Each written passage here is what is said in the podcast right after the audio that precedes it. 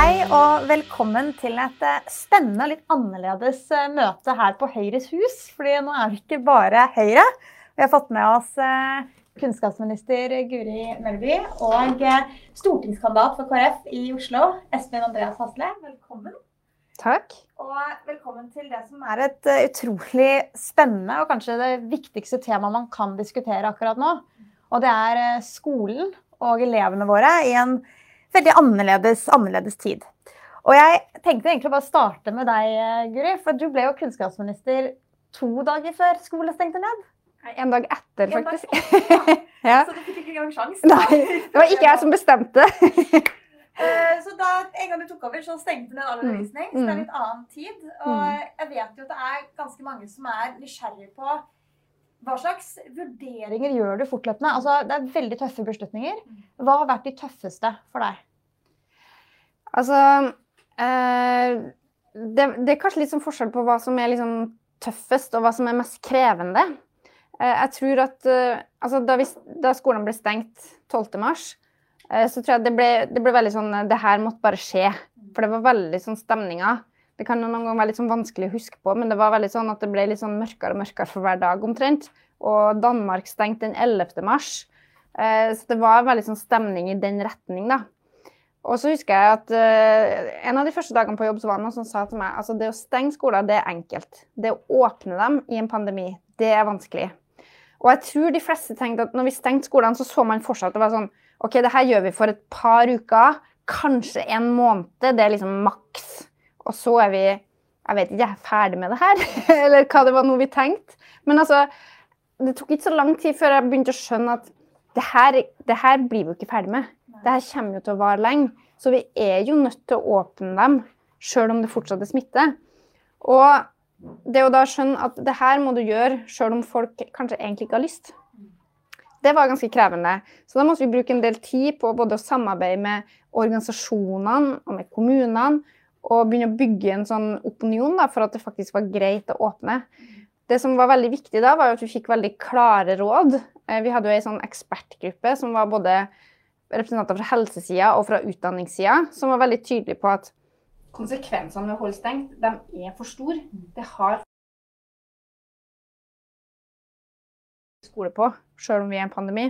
Så det å få så klare råd, det er veldig stor hjelp for, for en politiker. Og så opplevde jeg også at vi greide å få organisasjonene da, med på laget, at de støtta det. Så da gikk det liksom an. Og jeg merka i de ukene Jeg tror det gikk et par uker fra vi bestemte til det ble åpna. Og det var en påskeferie innimellom der òg. Mm. Og jeg opplevde Det var veldig interessant å se sånn i innboksen for at det var masse sånne meldinger. Dere må for all del ikke åpne, det er helt galskap. Dere må ikke gjøre det. Så når det begynte å bli inni denne påskeuka, så var det mange som sa nå må dere åpne. og det tror jeg var en sånn blanding av at folk var begynt å bli overbevist om at det går. Litt utmatta over å ha disse ungene hjemme. Og liksom, ja. Så alt det som skjedde i den tida der, var veldig viktig for å få det til. Men det var nok liksom det vanskeligste jeg har gjort da, mm. som statsråd. Jeg husker at Det var veldig ulike stemningsbølger. Mm. Altså, først man var veldig redd, og så plutselig man får åpne. Så åpner man for tidlig, og så var det mm. for sent. Så det var på en måte mm. vanskelig å egentlig manøvrere seg. Så det man måtte vel gjøre, var vel egentlig bare å holde liksom, hodet høyt hevet og tenke hva er best for elevene? Ja, Helt uavhengig av hva som er kanskje populært ja. på det ja. tidspunktet. Ja, det var akkurat det. Eh, for jeg tror nok Hadde du tatt en meningsmåling da, så ser jeg nok for meg at det hadde fortsatt vært et flertall for å holde det stengt. Eh, både fordi at altså mange opplevde at de håndterte situasjonen helt greit. Også liksom voksne som har da barn som klarer seg bra på skolen, opplevde nok at det var det gikk greit, liksom. Eh, så det er jo mange av dem som kanskje ikke er dem som hever stemmen i debatten, som var dem som aller mest trengte at ja. vi åpna skolene og barnehagene. Det er dem som ikke har foreldre som setter seg ned og sender melding til en statsråd, som trengte at vi åpner skolene. Jeg har lyst til å bare stille det spørsmålet. fordi at jeg mener jo at En utfordring i skolen av og til er at man har litt sånn lave forventninger og ambisjoner for elevene. At de skal lære og at de kan på det man man sier sånn at de har vanskelig bakgrunn hjemme, så da kan vi, ikke, kan vi ikke, ha så mye fokus på læring på skolen. Eller det er en sånn unnskyldende kultur. da. Opplevde du her at kommunene var gode nok til å på en måte fortsette å strekke seg så langt som mulig for at elevene skulle få den opplæringen de trengte? Ja, det er et godt spørsmål. Altså, jeg opplever at det er en god del kommuner som har vært der. At vi skal gjøre det vi kan. Vi skal finne de løsningene som er mulig. Eh, Og vi, altså jeg, jo med, jeg har jo hatt møte med noen av de kommunene nå som har hatt det verst nå i vinter da, her på Østlandet. Mm. Eh, og jeg har lyst til å trekke fram eh, Bærum som et eksempel på en kommune som har fått til mye. Nå syns jeg det også hører med å si at det er en ressurssterk kommune som også har god økonomi. Så det gjør det jo at forholdene ligger bedre til rette. De har også en skole som er godt drevet til vanlig. Men eh, de har vært veldig sånn klar. De har snudd om liksom med en gang. De har leid lokaler, de har brukt den lokale kirka til undervisning. Altså gjort den type løsninger, da. og det er mange andre som er lignende. Og så tror jeg vi må huske på det at i hvert fall i vår, i de første ukene, så var det nok mange som var redd for å lage for omfattende tilbud òg. For liksom Det var jo om å gjøre å begrense litt det her fysiske kontakten og sånn. Så det var nok mange som liksom lente seg litt på det i starten. Eh, og som kanskje ikke helt har greid å komme på offensiven etter det, da. Og så er det nok også det å skru om Altså, eh, nå, når det nærmer seg sommeren, så var vi på en måte over den første bølgen, og ting begynte å bli normalt. Og da vi starta skolen igjen i høst, så var det jo en sånn relativt normal situasjon. Og så snakka vi jo om dere må ha beredskapsplaner, dere må være forberedt på at det kan bli verre.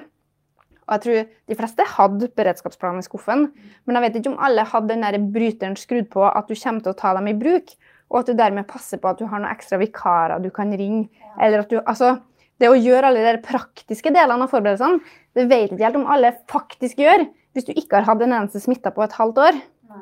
Så jeg tror det er litt sånn Vi mennesker vi greier til en viss grad å være i beredskap, men ikke hele tida. Og ikke når det ikke føles som du trenger det. Og da har vi en ganske sånn god overgang her uh, til uh, situasjonen i Oslo. fordi du har jo vært uh, altså du har vært lokalpolitiker i en hovedstad som har vært hardt rammet mm. av korona. og Vi har, hatt, vi har 90 000 elever i Oslo, hvor veldig mange har hatt hjemmekontor. Hva er, måte, hva er din opplevelse? Har man, hvordan har man klart å ivareta måte, læringen til elevene og elevenes beste? Ja, jeg deler jo Melbys eh, opplevelse av at det var helt nødvendig å stenge ned eh, når man gjorde det. det. det. er det første jeg vil si. at, at vi, det var jo, ja, Oslo var vel i ferd med å stenge ned før regjeringen tok beslutningen. Og, og da var det et vanvittig press. Mye folk som begynte å holde med ungene sine hjemme fra skolen. ikke sant? Og det, så jeg tenker man hadde ikke noe, noe, valg. Om det så smittevernfaglig hadde vært rådet til noe annet, så tror jeg det hadde blitt nærmest anarki hvis man ikke tok noen grep. Jo, men jeg tror virkelig det. Uh, og så må jeg jo si at uh, jeg er jo blant de som pusta letta ut når i hvert fall barneskolebarna fikk komme tilbake på skolen. Jeg har to stykker på barneskolen sjøl. Og det, altså det jo, denne situasjonen har jo virkelig fylt meg med respekt for den innsatsen lærerne gjør da, hver dag. Altså jeg hadde ja, vi hadde, vi fire barn, men, men, to barneskolebarn hjemme, det var, det var, litt oppfølging. Ja, det var det. Og de greide seg bra, de, men det, vi måtte jo være der eh, og følge med. Ja. Så, så, jeg pusta letta ut og kjente at huh, nå endelig kan de ta, ta, dem litt igjen. Uh, men altså, jeg er samtidig i en, en, heldig situasjon og har plass til å være sånn. Det som jo virkelig har bekymra meg i Oslo, er jo sånn som du er litt inne på, med de sårbare barna i byen vår. Det er klart at det er ikke så lett å tenke hjemmeskole hvis man bor trangt og har mange søsken, f.eks. Eh, hvis mor og far kanskje ikke har ressursene til å følge det opp. eller har andre. Og heldigvis så var Oslo-skolen relativt tidlig på med å åpne skolene for, for barn som trengte det. Eh, det var de, det skal de ha for. Men uh, jeg må jo si jeg er bekymra likevel. Vi har vel fått melding så er jeg litt etter husken, om at det er spesialundervisning har ikke blitt fulgt opp, og det kan man godt forstå er naturlig, men det er klart det er barn som har behov. Det er en grunn til at de har vedtak om ekstra hjelp. Og når de da ikke har fått det den perioden, så er jeg jo bekymra for om vi vil se skadevirkningene på sikt av dette her, av, elever som har mistet uh, mye undervisning. Ja. I tillegg til de sosiale utfordringene mange av oss er bekymra for. Da. Ja, ved at man har måttet være mye, for, mye, for mye hjemme for en del barn. Ja. Kan jeg føye til noe der? For det som er veldig uheldig, da, er at noen av de stedene der vi har hatt høyest smittetrykk, er også de stedene der det er flest barn, der det her har størst konsekvenser for. Og også der det er vanskeligst å finne alternative løsninger. For jeg tror at i, altså i storbyene våre, der det er tett og trangt, det er ikke så lett å finne et ledig lokale. Vi vet at i Oslo det er ikke flust med ledige lærere. Sånn at eh, det har på en måte vært et veldig sånn uheldig sammenfall.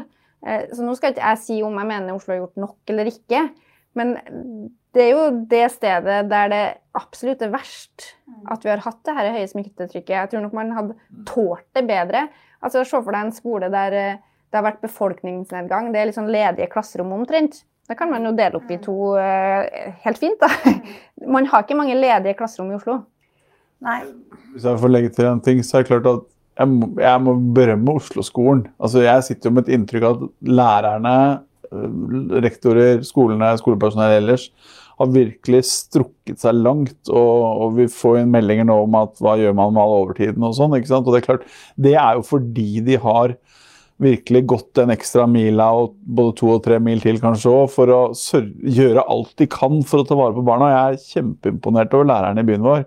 Det er eh, masse hjerte og masse engasjement for at eh, alle barn skal få god læring. Sånn at eh, jeg, jeg er helt overbevist om at Oslo har gjort virkelig en, en, god innsats, men det betyr jo ikke at ikke det kan ha vært en del som har falt utenfor likevel. og Det, det er jeg, er jeg opptatt av at vi skal ha fokus på nå framover, sånn at vi får henta inn igjen de igjen som har mista mye nå. Ja. For det er jo, det må si at det er kanskje min største bekymring. Jeg føler kanskje at man at noen i debatten om skolen og skolen skulle stenge, eh, problematiserte ikke det godt nok. Altså det var litt sånn, det må selvfølgelig stenges. Der har det mye mobilitet, folk flytter på seg. Mens eh, vi som jeg vet alle her har gjort, kan reist mye rundt f.eks. Oslo-skolen, vet at skoler hvor du har nesten 30 eh, eller over 50% av elevene på en del skoler som trenger særskilt norskopplæring. Hvor det er veldig grunnleggende mangel på lesing, regneferdigheter ganske tidlig i skolen. Og du vet hvor avgjørende det er for å på en måte kunne mestre skoleløpet. Så er det ikke en så kanskje enkel beslutning som man ellers i debatten uh, hadde. Nei, og det tror jeg det er litt sånn for at ja, OK, hadde det vært par uker, ja. så eh, ja, ja, du har ferier som er lengre enn det, liksom. Det er ikke så alvorlig. Um, men uh, Eh, jeg tror at det, jeg tror også den første stengninga ble lengre først enn det mange av oss så for oss. Og nå når man har drevet på rødt da, mm. i, altså på videregående i tre måneder, mm. det har ganske store konsekvenser. Og en, vi kan også se for oss at en, en del elever er i sånne kritiske faser. Mm. Jeg har tenkt mye på f.eks. førsteklassinger. Kanskje de var liksom akkurat i ferd med å knekke lesekoden i mars i fjor. Og så får du liksom et sånt setback. Så kommer du tilbake på skolen, og så er du plutselig litt mer sånn bak de andre. Kanskje det er liksom det som gjorde at du datt av lasset litt. Og så klart, Det kan godt hende at vi greier å hente den igjen, men det er ikke bare bare. Og det kan være elever som eh, altså Jeg snakka med ei mor. da, Hun hadde ei datter som hadde begynt på videregående i høst. Og så bytta hun skole i oktober, for hun trivdes ikke. Og så, noen uker etterpå, så ble det 50 hjemmeskole. Hun hadde ikke rukket å få sånne venner. Hun hadde ikke rukket å bli ordentlig kjent med lærerne. Så det å f.eks. sende en melding til en lærer, da, det er ikke så lett. Det er litt lettere i klasserommet å liksom bare signalisere at du trenger hjelp. Så det er så mange som egentlig kan være helt sånn ressurssterke elever, men som er i sånne veldig sårbare faser. Og da kan det være det som gjør at du liksom mister litt taket, da. Ja, jeg hørte det samme om eh, første klasse også. Ja, de som begynte i høst i første klasse. ikke sant? Som kom ny på skolen, og som da eh, ja, når du begynner på skolen, sånn, så er du litt spent, skal bli kjent med alle nye. Og så kjenner du kanskje noen i en annen klasse mm. fra barnehagen. Men der, de kan du ikke gå bort til, for de er en annen kohort. Eller du har en storebror som går i tredje klasse. Nei, Han kan du ikke snakke med, for han er en annen kohort, eller klassen hans. på en måte, sånn at Plutselig så var det masse begrensninger da, i forhold til det vanlige livet og den, det, si, den sosiale støtten mange ville hatt ved at man kjenner litt folk fra før. sånn at det er klart det har vært krevende. Uh, ja. Jeg tenkte bare å si til alle dere som følger med, at eh, det er lov å stille spørsmål i kommentarfeltet. Eh, det som er gøy med det, er at da kan man virkelig utfordre. For jeg blir tvunget til å lese det opp høyt, i hvert fall. Så da er man eh, Men Ja, akkurat det. Men jeg egentlig tenkte på at det går kanskje sånn skrittet videre, da. For da har vi hatt den eksperimentet med å stenge ned skoler, prøve å snu alt rundt. Mange utfordringer, mye vi må løse. Men hva er det vi kanskje har lært som vi kan ta med oss videre. Altså, det har jo skjedd en del innovasjon. Altså, det skjer jo alltid i krisetilfeller veldig mye mer kreativitet. Ja, helt, helt, åpenbart. Og det er jo for det første så er det enkeltelever som blomstra når de fikk lov til å jobbe mm. mer selvstendig, og så mm. fikk lov til å være mer hjemme. Så jeg mener jo at vi definitivt bør se på finnes det former for tilrettelegging vi kan gi til enkeltelever som har spesielle behov, som kanskje betyr at de kan mm. være litt mer hjemme. Kanskje det er det som skal til for en skolevegler, ok, Hvis du får lov å være hjemme tirsdag og torsdag, kanskje du faktisk kommer deg på skolen de andre dagene. Eh, altså, det har skjedd en rivende utvikling på digitalisering. Lærere ble tvunget til å lære seg en rekke nye verktøy, og så fant de ut at det var ikke så farlig. Og så fant de ut at noe av det var ganske gøy, og noe av det var ganske spennende, og noe trenger de å lære mer om. Så vi har fått en sånn Jeg, tipper at vi har tatt liksom ti år på et jafs eh, på digitalisering. Og så er det mange som sier at altså en del måter å organisere ting på, det å dele inn i mindre grupper Noen Jeg har snakka med lærere som OK, jeg måtte ha vært mer på inspeksjon, men jeg ble jaggu godt kjent med elevene i klassen når vi var ute i friminuttet sammen. Og noen ganger det at du faktisk blir tvunget til å leke med dem i klassen, gjorde at noen faktisk også fikk nye venner. Eh, og dermed bygde dem et bedre klassefellesskap. Så, så, noen sånne ting, og det er kanskje enda mer i barnehagen enn i skolen. Mange som har snakka om ok, disse gruppene på tre og seks, det er kjempefint. Og så det, blir det mye snakk om bemanning og sånn.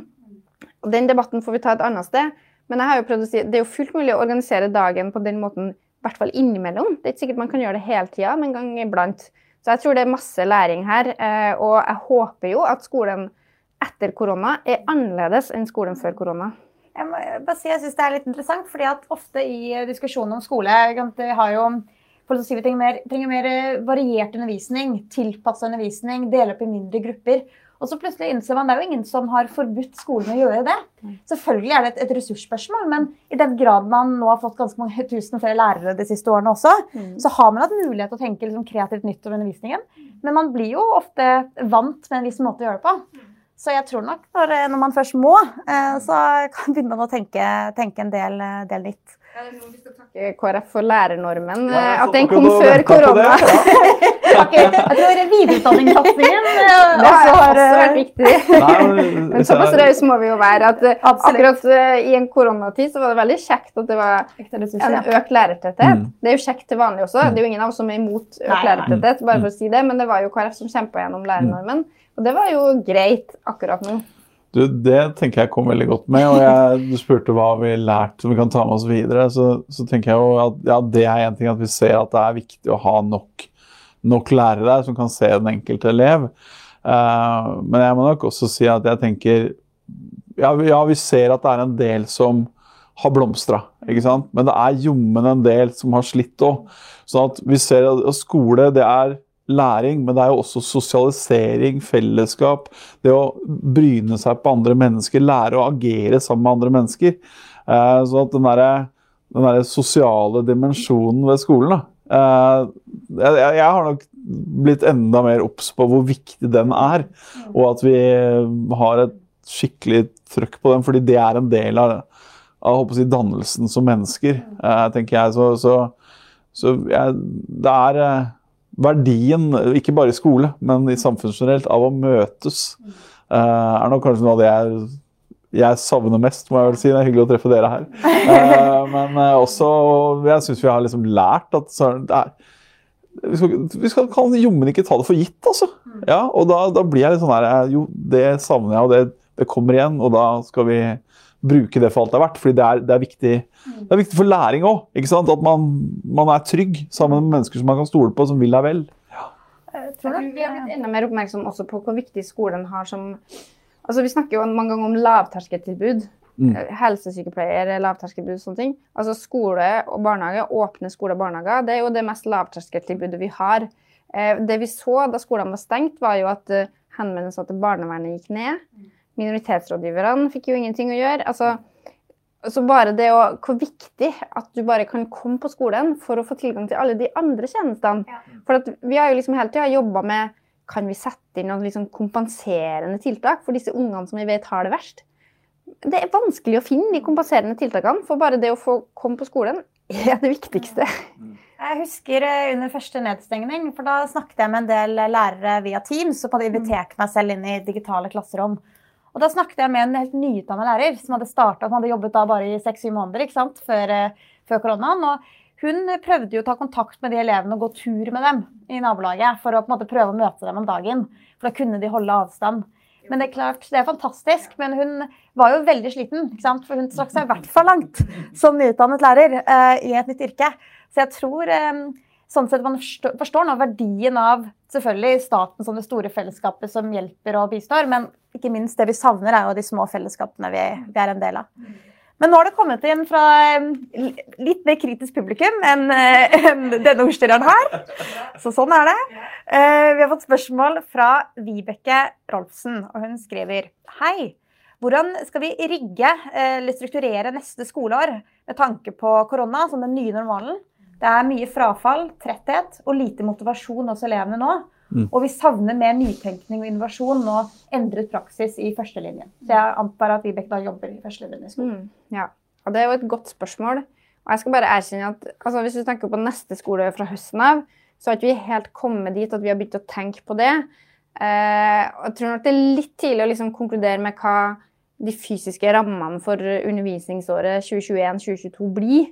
Det er jo grunner til å tro at det blir mye mer normalt pga. det vi ser med vaksinering og sånn.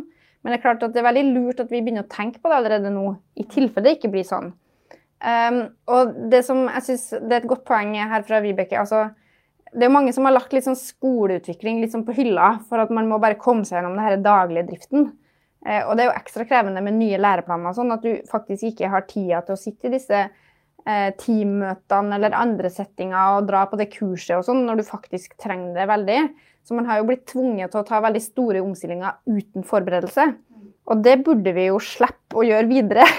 Så det at vi faktisk greier å sette av noe tid da, i løpet av våren, både nasjonalt og også på den enkelte skole, til å ikke bare bli slukt av dagens begivenheter, men faktisk å planlegge litt framover, eh, det tror jeg blir ganske viktig. Så vi som da er på en måte nasjonal skolemyndighet, må også bidra til å oppfordre skoleeierne til å faktisk bruke tid på det, altså. Og ikke bare drive på med dag-til-dag-undervisning. For Det er et spørsmål litt som jeg kan utfordre deg på. For det er et spørsmål fra Camilla Skjevik som stiller spørsmålet Hvor var dere motivert og støttet lærerne og ledelsen i Oslo-skolen i denne krevende tiden? Nå er det jo ikke vi som dessverre styrer byen, da, så, men jeg, kan det være din opplevelse? Altså, opplever du at eh, Oslo klarer å følge opp alle skolene og sikre at de får den støtten de trenger? Ja, nå har det vært litt diskusjon om Oslo-skolen det siste halvåret. Det har sikkert mange fått med seg. og jeg, Hvis jeg skal svare personlig, så vil jeg i hvert fall si at jeg har prøvd å både framsnakke og heie på lærerne så mye jeg overhodet kan. For jeg mener jo oppriktig at de gjør en fantastisk jobb. Eh, og det, det opplever jeg vel at et ganske sånn bredt uh, samla politisk korps i Oslo også mener. Men så er det jo mer et spørsmål om man har gitt de ressursene og den faktiske støtten. Og der er det jo noen av oss da, som er litt eh, spørrende til om eh, både måten å drive og organisere utdanningsetaten i Oslo og f.eks. gir skolen i Oslo den nødvendige støtten de trenger. Vi får meldinger fra rektorer som, eh, og, lærere som opplever at støtte som var der før, er borte. Vi har et læringsmiljøteam som sier opp eh, og slutter. Altså det, er, det er grunn til bekymring. sånn at jeg er nok ikke Jeg mener nok at Oslo-skolen ikke har fått den støtten de trenger totalt sett. Det burde vært mer, og det burde vært eh, bedre. Men eh, det betyr jo ikke at det ikke har vært noe. Ikke at det har vært sikkert god vilje hos de fleste, men eh, det har nok skortet litt på evnene i enkelte, enkelte byrådsavdelinger. Ja, for det er jo, jeg, tror, jeg synes jo kanskje denne pandemien også har vist at uh, det viktigste er den dyktige læreren i klasserommet. Det vet vi, det er derfor det har vært en satsing vi har hatt. Men det er klart, uh, man kan ikke, kan, du kan ikke stå alene i et klasserom uh, hver eneste dag. Du trenger en god ledelse, du trenger en kommune som følger opp med faglig støtte og oppfølging. Eh, og så på en måte både stille krav, men også er der da, når det trengs. Så jeg tror vi har skjønt nå at det er et lagspill i kanskje Ja, større grad. Det er noe av det jeg tror er mest bekymra for at blir lidende. nettopp Det er ikke bare ledelsens tette oppfølging, men også dialogen med kollegaene. Fordi jeg, Dette har jeg ikke superdekning for, men jeg, jeg har en mistanke om at mange lærere har blitt mer aleine. Også sånn i det kollegiale samarbeidet. Og det er, jo, det er jo er noe skoleforskning er tydelig på. så er det jo nettopp det er det gode samspillet både med leder og på tvers, er jo det som gjør at det blir et lærende fellesskap, og at man utvikler beste praksis sammen. Og Det tenker jeg jo vi må ja, rigge oss enda mer for, da, sånn at det funker øh, videre. Ja. Da har jeg faktisk spørsmål fra Nina Turmer Ford, som stiller spørsmålet faktisk nettopp om dette. Eh, Bare litt mer nasjonalt. Uh, stiller spørsmålet Drar lærere og skoleledelsen på besøk på andre skoler for å se hvordan dette løses? Eh, for å få på en måte, kunnskapsdeling og bygge kompetanse til, til neste gang? Jeg tror vi trenger mye mer av det, eh, og jeg tror ikke vi har vært gode nok til det. Og så er det jo sånn, Nå har det vært utrolig mange praktiske konsekvenser, så helst bør man ikke reise og besøke en annen skole fysisk. Man må selvsagt snakke sammen digitalt, da. Men jeg tror jo, altså det å få den erfaringsutvekslinga er utrolig viktig, og det bør vi legge til rette for. Og det, vi mangler liksom noen av de gode plattformene for, for det. For jeg har snakka med flere kommuner som ja, du, vi har fått til noe bra her, vi har litt lyst til å dele det med flere. Vi tror kanskje flere kan, kan gjøre det her. Og så prøver vi jo på en måte å løfte dem opp da, og bruke dem som eksempler. Um, men også, vi vet jo at det også er forskjeller i Skole-Norge. Både mellom kommuner som skoleeiere og mellom enkeltskoler i en kommune. Uh, og de forskjellene har jo blitt tydeligere og skarpere. For det er noe med at uh, om ikke ting er helt på stell, uh, så i en liksom vanlig setting, så, så, kan dyktige lærere og på en måte, ressurssterke foreldre kan liksom bære det likevel. Og det går liksom greit. Men når det blir en krise, og når ting blir vanskelig, og når du trenger noen som leder, og som finner de løsningene, og som ikke overlater det til den enkelte lærer, det er da du ser at det er forskjell.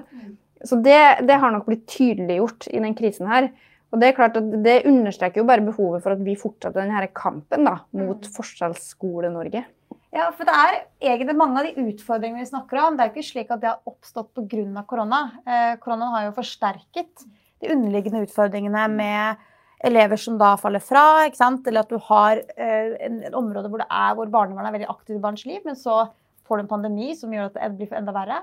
Så hva, eh, Hvordan skal vi nå fremover, da, liksom praktisk politikk? Sant? Hva er det viktigste grepene vi nå tar for å sikre at de elevene som nå henger etter, og som vi kanskje kommer til å se faller bak i en del av de viktigste fagene våre, eh, hvordan skal vi klare å hjelpe dem? Mm. Altså, jeg tror svaret er litt sånn eh, på en måte enkelt og veldig kjedelig. For det finnes ikke noe quick fix. Det er kompetanse som er nøkkelen. Og det er kompetanse hos skoleeierne, altså kommunene. Må bli bedre skoleeiere, ha mer peiling på hva de holder på med. Kompetanse i skoleledelsen. Det er jo fortsatt sånn at det ikke er alle skoleledere som har fått utdanning i ledelse, f.eks. Eh, en del sånne ting. Eh, og at de får lov til å være del av et team som hjelper seg, og som løfter seg opp. Og så er det også kompetanse hos lærerne. Vi har jo sett at de trenger mer kompetanse på helt sånn spesifikke ting, som digitale ferdigheter og sånn.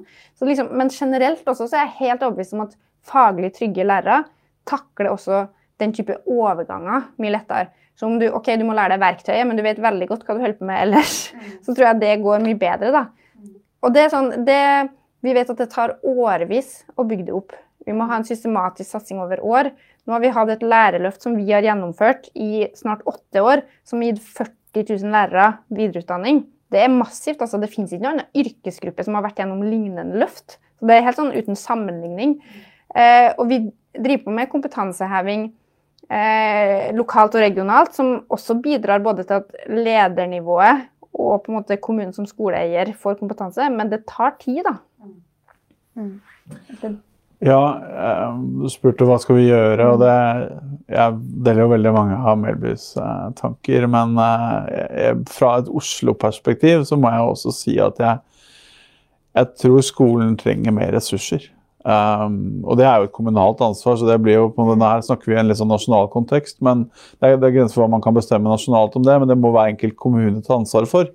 Men, uh, men uh, de meldingene vi får, kanskje særlig fra en del av de svakere sosio, sosioøkonomisk svakere områdene i Oslo, er at selv om de kompenseres en god del for indikatorer på sånne ting, så er det allikevel utrolig langt igjen før de har nok ressurser til virkelig å gi mange elever det løftet de trenger. Så, så det, Der vet jeg jo at våre partier i Oslo har eh, fremmet forslag om mer ressurser til skolen. Vi har eh, jobbet for det, dessverre ikke fått gehør hos byrådet på det. Eh, men jeg mener at nettopp det å utligne de forskjellene vi vet fins i samfunnet vårt, gjennom å ha godt nok, ja, nok lærere, ja, men også hele støtteapparatet rundt av arbeid, eh, sosialt arbeid, helsepersonell. Altså, sånn, alt som kan fange opp alle de faresignalene og, og, hjelpe folk til å fungere både i samfunnet og sko i skolehverdagen. Det, ja, der, der, tror jeg vi har en vei å gå fremdeles. Mm.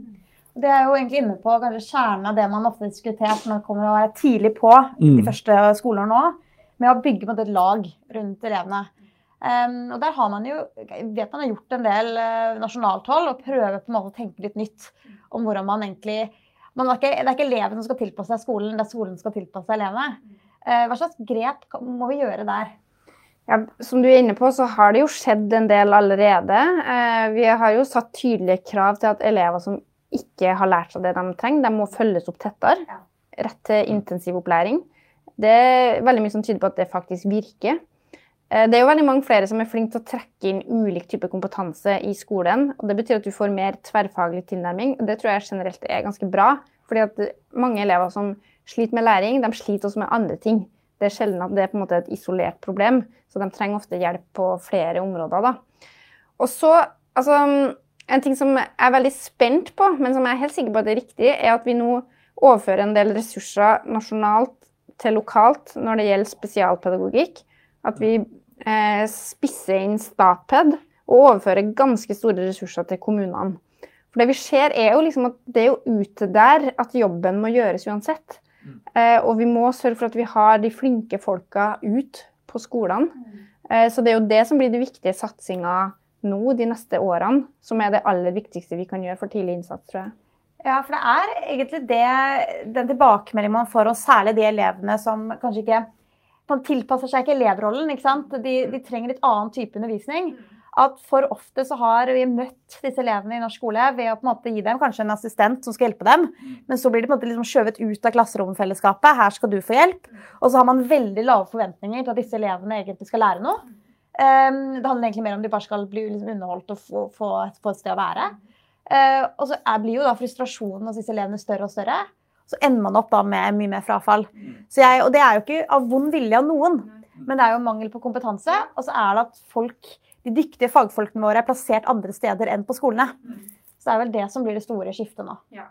Ja, jeg tror det. Det er det som er målet vårt å få til. For det er klart at en som har fagkompetanse, som da ser at OK, den eleven her, den grunnen til at han ikke henger med og skjønner beskjedene fra læreren, det er jo sånn og sånn. Mm. Så det er jo ikke sånn at han trenger å ut og få noe spesielt opplegg. Det er jo bare at vi må greie å lage beskjedene på sånn og sånn i stedet, så kanskje han plutselig får med seg mer. Altså, det å være såpass kompetent at du ser da hva som er løsningene, og faktisk også ser at de elevene har store ressurser og kan lære seg masse, det tror jeg er ganske viktig. Ja, jeg eh, har jo en grunnleggende positiv tro på folk. At alle, alle elever har et engasjement. ikke sant? Hvis de bare finner riktig arena og riktig trygghet for det.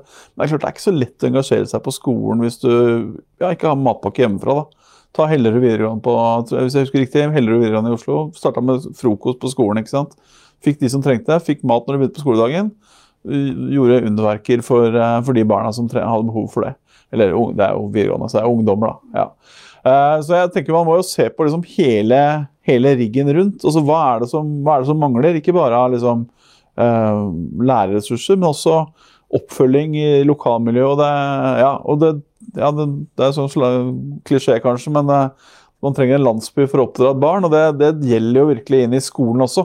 At vi trenger samarbeid med lokalsamfunnet, idrettslag. altså Alle gode krefter er nødt til å bidra. Sånn at man virkelig får fanga opp de som sliter og det havner utafor. Mm. Ja. Jeg har et eh, spørsmål her eh, fra Vegard Tokheim, som er litt spennende, egentlig. For han stiller spørsmålet hvilke nye muligheter for fjernundervisningen vil vi se etter pandemien med tanke på elever som f.eks. er langtidssyke?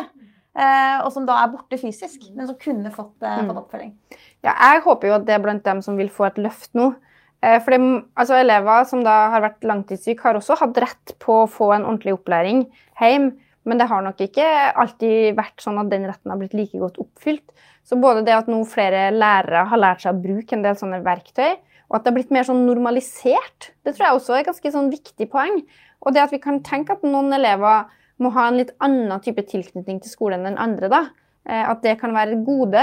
Og det, det jeg tror vi alle har erfart, også vi som ikke er elever, men som er i møter, er at det er kjempevanskelig å være med digitalt når noen sitter i et rom, mm. og så er vi sånn tre stykker som skal være med digitalt. Mm. Fordi de der som sitter i det rommet, de har det så mye hyggeligere sammen enn oss.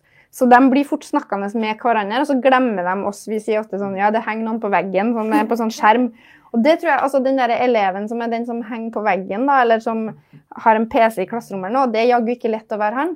Så kanskje innimellom så er det en fordel at alle slår på skjermene sine, selv om de sitter fysisk sammen. Mm. Altså Sånne småting som det der, det at alle har kjent på hvordan det er å være den der som henger på veggen.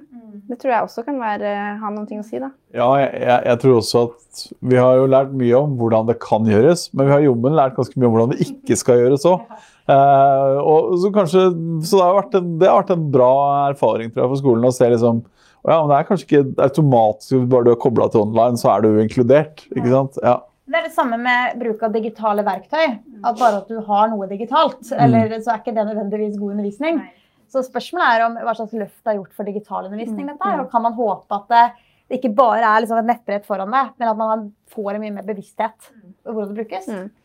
Ja, jeg tror det. Men ja, både hva det funker bra til, og hva det ikke funker bra til. Ja. For at den, altså, Jeg er veldig opptatt av at vi ikke skal ha skepsis til teknologi i skolen. Men vi skal heller ikke liksom, tenke at det løser alle problemer. Eh, og det er noen ting det er åpenbart bedre å gjøre sammen med andre. Og det er noen ting det er åpenbart bedre å lese i en fysisk bok enn på en dings. Eh, så jeg håper at mange har blitt flinkere på både hva som passer og hva som ikke passer. Men jeg tror det, må, det er jo masse lærere som har prøvd ut nye programmer som de aldri har prøvd før, eh, og som har gått mange steg. da. Eh, og jeg tror ikke minst så er det mange elever som har lært seg å jobbe mer selvstendig. Det tror jeg også er en sånn veldig bra ting. da. Det er jo en liten utfordring når vi har kunnskapsministeren her. Så, ja, så, jo, så tenker jeg mange, har, mange mestrer mye mer teknisk nå.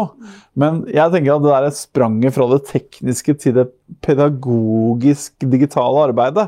Der eh, tror jeg vi at lærerne har et um, også behov for å, for å ha mye etterutdanning og jobbe liksom med hva, ja, hva er god læring da, på plattformen, og ikke bare liksom hvordan får man det til teknisk. Så der vil jeg nok si at jeg tror vi må finne, grave fram noen ressurser til det. Ja. Ja, Hvordan utnytte plattformen sine muligheter. Ja. For det er klart, Hvis du er vant til å drive med sånn klasseromsundervisning, ja, så kan du alltid måte sette opp et kamera og så gjøre litt av det samme. Og så sitter elevene der, og så ja, får de ut utbytte av det.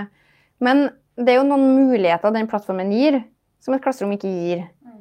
Så hvordan greier du å bruke de mulighetene, sånn at du liksom får utnytta plattformen best mulig? Der tror jeg definitivt at vi har behov for et løft. Nå har jeg fått et uh, spørsmål, og jeg tenker uh, jeg tar på en måte personvernsvenstre, som jeg vet sitter her. Eh, for det er da et spørsmål eh, fra Bjørgulf eh, Bråen, som er eh, kan, Bør man kunne kreve at elevene slår på kamera i timen når de er på Teams?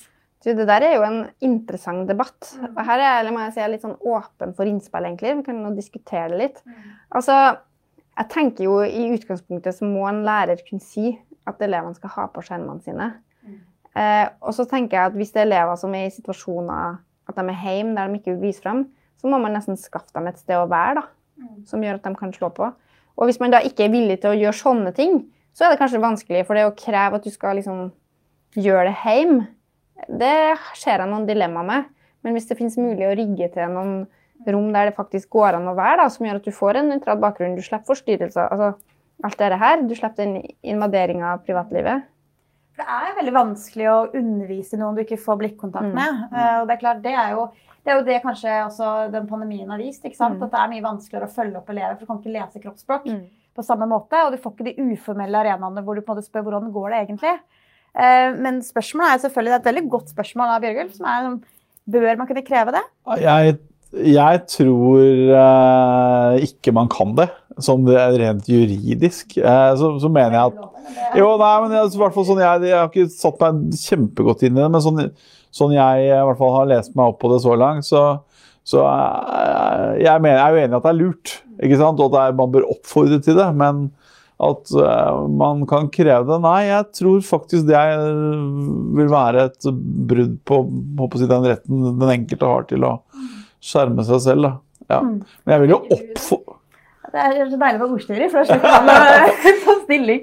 Um, jeg må ærlig innrømme at jeg synes det er noe man burde kunne kreve i en klasseromsituasjon. Så jeg er enig med deg at dersom man opplever at det er vegring for det, så må man jo gå og snakke med de, de elevene det gjelder. da.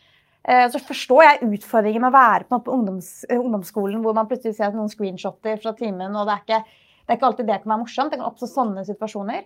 Men jeg tror ikke det at det kan det løses ved, ved å håndtere det. Eh, Det løses ikke ved å på en måte la noen falle litt bak og eh, ha svart skjerm. da. Men for mange så vil jeg jo tro at det ville jo kanskje løst problemet hvis du definerer noen sånne tydelige situasjoner der det er helt greit å slå av. Det er greit å være litt fjern. Altså, Mm. og så noen situasjoner der du forlanger at du er på. Og kanskje også i større grad dele opp i mindre grupper når du skal være på. Mens eh, aksepter at akkurat når det er et sånn lærerforedrag altså Jeg vet ikke hvor mye du får ut av at du ser de ansiktene likevel. For du greier ikke å fange opp like godt en stemning som du gjør i klasserommet uansett. Sånn at eh, det å kanskje skille tydeligere på hvilke situasjoner er det faktisk viktig, da. Og også da finne måter å hensynta de elevene som syns det er vanskelig. Så vil jeg jo tro at du greier å få med de fleste. Ja, jeg tror også det. Det er bare å si at jeg veldig ofte svart skjerm, da. For det, så, så det, og gikk tur, så jeg hadde svart skjerm. er, det er veldig praktisk sånn Ja, sett. det er så, Man skal være litt forsiktig og stille helt andre krav Ja, til elever ja. enn man stiller til seg selv. Ja. Men um... Ja, jeg, kommer, men jeg kommer rett fra bystyremøtet nå, eller der pågår egentlig ennå. Og ordføreren ber de som snakker, ta på kamera. Ja, det. Ja Ja, da, det, det er det. som snakker, bør ha på kamera. Ja, det er jeg. Da har vi fått et spørsmål fra Oslo Venstres chat um, fra Erik. Bør lærerhøyskolene øke fokuset på digitale læringsmetoder for å være mer beredt hvis det oppstår sånne situasjoner? Eh, også for å ha et eh, Eller foresatt. er jo at noen lærerstudenter ble kasta ut av praksis da ting ble stengt ned, i stedet for å få lov til å være med på den digitale skolen. Ja. Det tror jeg har vært en utrolig viktig læring. Ja, for at man, ble jo, altså man fikk jo helt sånn noia. Jo, jo, Og man altså. liksom bare, og så kanskje man hadde verktøy som de ikke hadde tilgang på, og sånne ting, og så hadde ikke man kapasitet til å fikse det der og da. Mm. Det skjønner jeg, men jeg tror det var veldig synd. For jeg tror det var en eh, veldig nyttig erfaring å ha med seg. da. Både hvordan du håndterer en krise, og hvordan du driver digital skole. Men jeg tror nok at uh, noen lærerutdanninger er gode på det, men det er nok fortsatt noen som har en vei å gå. Eh, og det å få det mye mer integrert i alle fag. For det er jo, altså, lærerutdanningene er mye styrt av fagdidaktikk også. Så det er liksom viktig at det digitale ikke blir outsourca til et sånt eget emne som noen som er kjempegod på det, skal ta seg av. Men at det faktisk er integrert i matematikkdidaktikken og norskdidaktikken og de her vanlige fagene. Da. For det er jo da du lærer om den pedagogiske bruken av det, ikke bare å beherske et verktøy. Ja, og, og nye plattformer, f.eks. bare det at alle har en digital dings, en iPad eller en PC, gjør jo, altså kjenner vi jo fra mattefaget f.eks., hvor man, jo, mange lærere har tatt i bruk såkalt flipped classroom. ikke sant? At man, man, man gjør om på hele måten man jobber på. At du har rett og slett undervisningen på skjerm som lekse, og så får du oppfølging på å gjøre oppgaver på skolen. og det, Jeg tror ikke det er saliggjørende for alle, men jeg, det jo, viser jo at nye medier gir nye minst det som Erik også spør om, eh, kontakten med foreldre.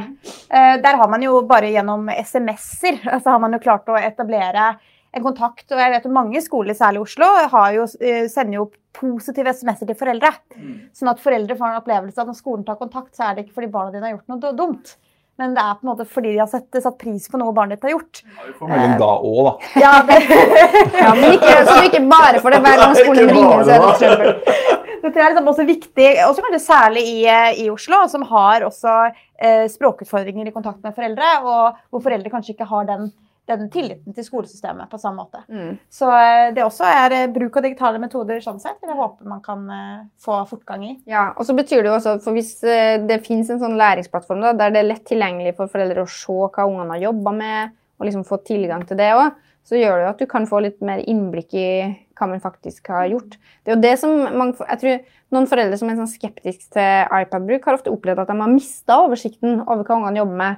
Det var liksom lettere å se i den her matteboka. 'Å ja, du har regna så mye i dag', ja. Eh, så det faktisk ha plattformer som er enkle å bruke, også for foreldre, det er også viktig. Jeg skal Det er lettere, da. Nei, jeg skal ikke si det ble for alle, men jeg syns det er lettere. i hvert fall. Ja, Det er- jo, ja. Men jeg tror det, er litt uh, ulikt fra skole til skole hvordan man har løst det. Ja. Og så er det sikkert forskjellig kompetanse hos foreldre òg. Jeg skal snart utfordre dere helt på slutt på hva som blir konfliktene inn mot valget. eh, Og kanskje hva som blir hovedsakene deres. Eh, Men jeg tenkte først bare et siste spørsmål. Eh, Koronamidlene til skole når ikke ut. Og en del lærere er farlig slitne. Hva gjør du, Melby? Ja, det er et stort og krevende spørsmål, og vi får den tilbakemeldinga. Så vi, det er jo en av de tingene jeg jobber med å prøve å løse. Um, altså, man kunne ha sett for seg at man hadde liksom betalt ut penger til hver enkelt skole basert på akkurat Å ja, dere hadde liksom 100 000 til vikarutgifter, da skal vi gi, gi dere penger for det. Det ville vært utrolig byråkratisk. Det ville tatt lang tid før vi hadde kunnet gitt de pengene. Og det er ikke den måten vi liksom styrer på ellers. Og det ville også gjort at altså noen kommuner som da hadde høye utgifter på vi hadde, det vi hadde forhåndsdefinert som riktige ting, de ville ha fått. Mens de som kanskje plutselig fikk utgifter et annet sted, kanskje de fikk store utgifter i barnevernet da, fordi at vi ikke holdt skolen opp. Altså, vi måtte liksom vært så utrolig flinke til å gjøre den jobben med å finne ut av hva pengene skal gå til.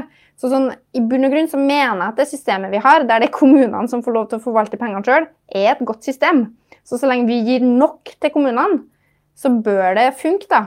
Men det jeg tror er at mange har holdt tilbake, for de har vært usikre på om midlene har kommet. Eh, og det er egentlig veldig bra at vi har en ganske sånn sunn økonomisk praksis i kommunene, at man ikke bruker mer enn det man har. Men vi har jo egentlig prøvd å oppfordre dem til at akkurat nå så skal dere bruke mer enn dere har, for det kommer etterpå. Men vi må bare finne ut av hvor mye er det som skal komme. Så jeg føler at det har skjedd en liten sånn endring nå, at flere og flere begynner å komme dit. Sånn som Da jeg hadde møte med disse fire østlandskommunene som har vært mest ramma, sånn som Nordre Follo, så sa de det. Nei, nå setter vi bare opp busser, og vi, vi kjører bare på. Og det syns jeg er kjempebra. så fortsett med det. Så, så jeg føler vel at det er i ferd med å skje en endring. Og så er det også litt det at det er ikke alt vi faktisk greier å løse med penger. For det kan godt være at vi har råd til å ansette flere vikarer, men de er ikke så lett å finne. Nei. Og det er, det er et veldig godt, veldig godt, poeng, men jeg tror du er inne på noe når det er det å på en måte klare å strekke seg lenger og tenke ikke bare på hva, hva er problemet her, men faktisk hva kan man løse det med. Og jeg mener jo da, nå skal jeg være litt forsiktig, men jeg mener jo at da man kansellerte Oslo sommerskole i fjor, mm hvor det hadde vært mulig å gjennomføre Oslo sommerskole. Selvfølgelig ikke på samme måte, det hadde jo ingen forventet. Men det hadde vært mulig å sette opp busser. Det var fellesferien, folk var borte. Folk var ikke så mye på buss. Det hadde vært mulig å finne nye lokaler. Det handler jo om å være, kanskje strekke seg enda lenger og være ambisiøse på vegne av elevene. Og det er eh, selvfølgelig krevende for de som står i det. Men jeg tror jo vi vet at det er det barn og unge trenger. At det er vi som har høye forventninger for dem. Jeg synes det er et godt eksempel. og da så man jo også at i det sommerskolen skulle ha begynt, så var jo egentlig smittetallene ganske lave, så man kunne mm. jo nesten organisert det på en sånn relativt vanlig måte òg. Kanskje ikke møttes så mye på kryss og tvers av bydeler, men ja. Så det er et godt eksempel, egentlig. Mm. Eh, og det var nok kanskje i en sånn fase der man fortsatt var veldig sånn føre var. Så jeg håper Nå har vi jo satt av en halv milliard til sommerskole nasjonalt. Nå eh, regner jeg med at det blir også i Oslo. Dere står vel ikke på KrF? Og på, Absolutt ikke. har, vi har fem minutter igjen, så mm. jeg tenkte å bare starte med deg. Hva blir KrFs viktigste saker nå for å få på måte, norsk skole ut av korona? Oi, ja, det blir å få enden på korona. Men jeg, inn mot valgkampen så er jo jeg opptatt av at KrF skal Altså jeg, jo, vet du hva? Når jeg har jobba med skole nå et par år i Oslo-skolen, så har jeg jo innsett hvordan KrF er det perfekte midtpunkt i skolepolitikken. Ja, ja, fordi Hvis vi skal, vi skal være litt sånn uh, slemme her, da, så, så, kan jo høyre og venstre noen ganger bli litt mye tellekant og litt mye ikke sant? Men så for alle, vi, er, vi er enige at vi skal ha satsing på norsk, engelsk, matte. Uh, ikke sant? Og, og virkelig sørge for at elever ikke faller etter faglig. Men så er skole mer enn det òg. Vi må sørge for at de blir dugende mennesker. At vi tar vare på førsteklassingene. Det har vi en ekstra satsing på. Vi er bekymra for at det er blitt for mye skole for tidlig. At vi må ha en, eller i hvert fall ha, skal være ordentlig skole, men skal være en pedagogikk tilpassa seksåringer når de begynner på skolen. og Det tror vi ikke man alltid har klart. Så at det er å virkelig å se hele menneskene, sørge for at alle fag er viktige fordi det handler om å utdanne mennesker, eller danne mennesker, ikke bare utdanne kunnskap. Så jeg er sikkert enig i det, men for meg er det, det er noen nyanser her likevel som jeg er opptatt av. Og, og vil gjerne bidra til at skolen blir et uh, godt uh, for et helhetlig elevsyn. Da. Ja. Jeg har så lyst til å si så mye, men, nei, men, jeg, uh, men, jeg, er helt enig med deg i at vi skal møte førsteklassingene med selvfølgelig en helt annen type undervisningsmetode enn man møter syvendeklassinger. men jeg må jo si at det å barn som begynner på skolen, mange av dem eh, gleder jo seg til å begynne å lære å lese og regne, og har jo veldig høye ambisjoner. Og så er det jo ofte at de møter en skole som ikke er tilpassa dem, og der er vi enige. Eh, på ulike vis. Uh, Guri, hva blir de store konfliktsakene nå? Du har, gir deg to ja. minutter. ja, altså, for jeg tror Mye som vi satser på i skolepolitikken, er det faktisk ganske bred enighet om. Altså Lærerløft. Etter hvert så har alle partiene blitt med på det. Så det kommer jo til å være en av de viktigste satsingene også framover. Så du ser jo at konfliktene kommer litt langs de klassiske linjene. Nå har vi fått blussa opp en ny konflikt om nasjonale prøver. Jeg syns jo det er egentlig bare bra, for det viser at det er noen skillelinjer i skolepolitikken. Uh, og det, altså Det vi har foreslått nå, er en omlegging av nasjonale prøver basert på klare faglige råd om at de ikke gir oss god nok informasjon. Vi trenger rikere informasjon om eleven for å gi mer tilpasset opplæring. Og så trenger vi egentlig mer spissa sånn styringsinformasjon for skoleeier og for nasjonale myndigheter. Og anklagene fra venstresida er liksom at det her er ideologisk basert og det her er liksom typisk høyresida. Bare nei, det er faglig fundert. Eh, vi har det verktøyet her, men vi må selvsagt hele tida prøve å gjøre det bedre.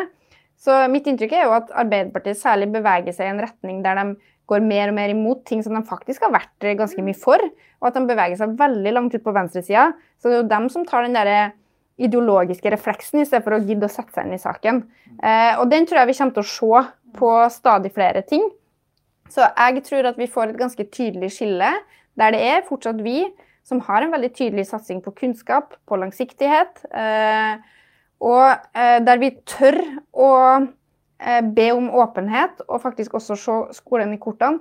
Men det som er viktig med det, for jeg synes vi har ikke vært flinke nok til å få fram at for oss så handler det også om å gi frihet og tillit til lærere og til skolene. Fordi at Med å ha noen sånne verktøy som gjør at vi kan passe på at vi er på rett kurs, så kan vi også gi ganske stor frihet i måter man jobber på. For, altså, jeg har stor tillit. Jeg mener vi har kjempemange dyktige lærere rektorer og andre i Skole-Norge som må få lov til å gjøre jobben sin i fred. Vi skal ikke drive og detaljstyre og fortelle dem hvor mange timer fysisk aktivitet de skal ha. og den type ting. Eh, men vi må på en måte passe på at elevene får sine rettigheter oppfylt. Det er litt sånn grunnleggende. Eh, så vi gjennomfører kunnskap. Jeg synes Det er litt interessant. Altså, det er jo, en til, det er jo på å gi stort faglig handlingsrom, men allikevel følge med på at elevene lærer. Mm. Eh, mens det omvendte er jo ikke være så interessert om på en måte elevene lærer, men begynne å detaljstyre veldig hvordan lærerne underviser. Og da tror jeg jeg vet hva jeg ville, ville valgt. Og Big til bordstyrer avslutter, avslutter med, med, det. Eh, tusen takk for at dere, dere, kom her på Høyres hus. Det er veldig hyggelig å se dere live. Veldig god. Takk det samme. Første gang jeg er på Høyres hus. Endelig kom han. Ja, det pleier å være flere mennesker her. Og mer øl, men det er heller. Eh, og tusen takk til dere hjemme som eh, nok en gang samler dere foran PC-en for å følge med på digital et møte. Og så håper vi at vi også ser dere fysisk eh, neste gang.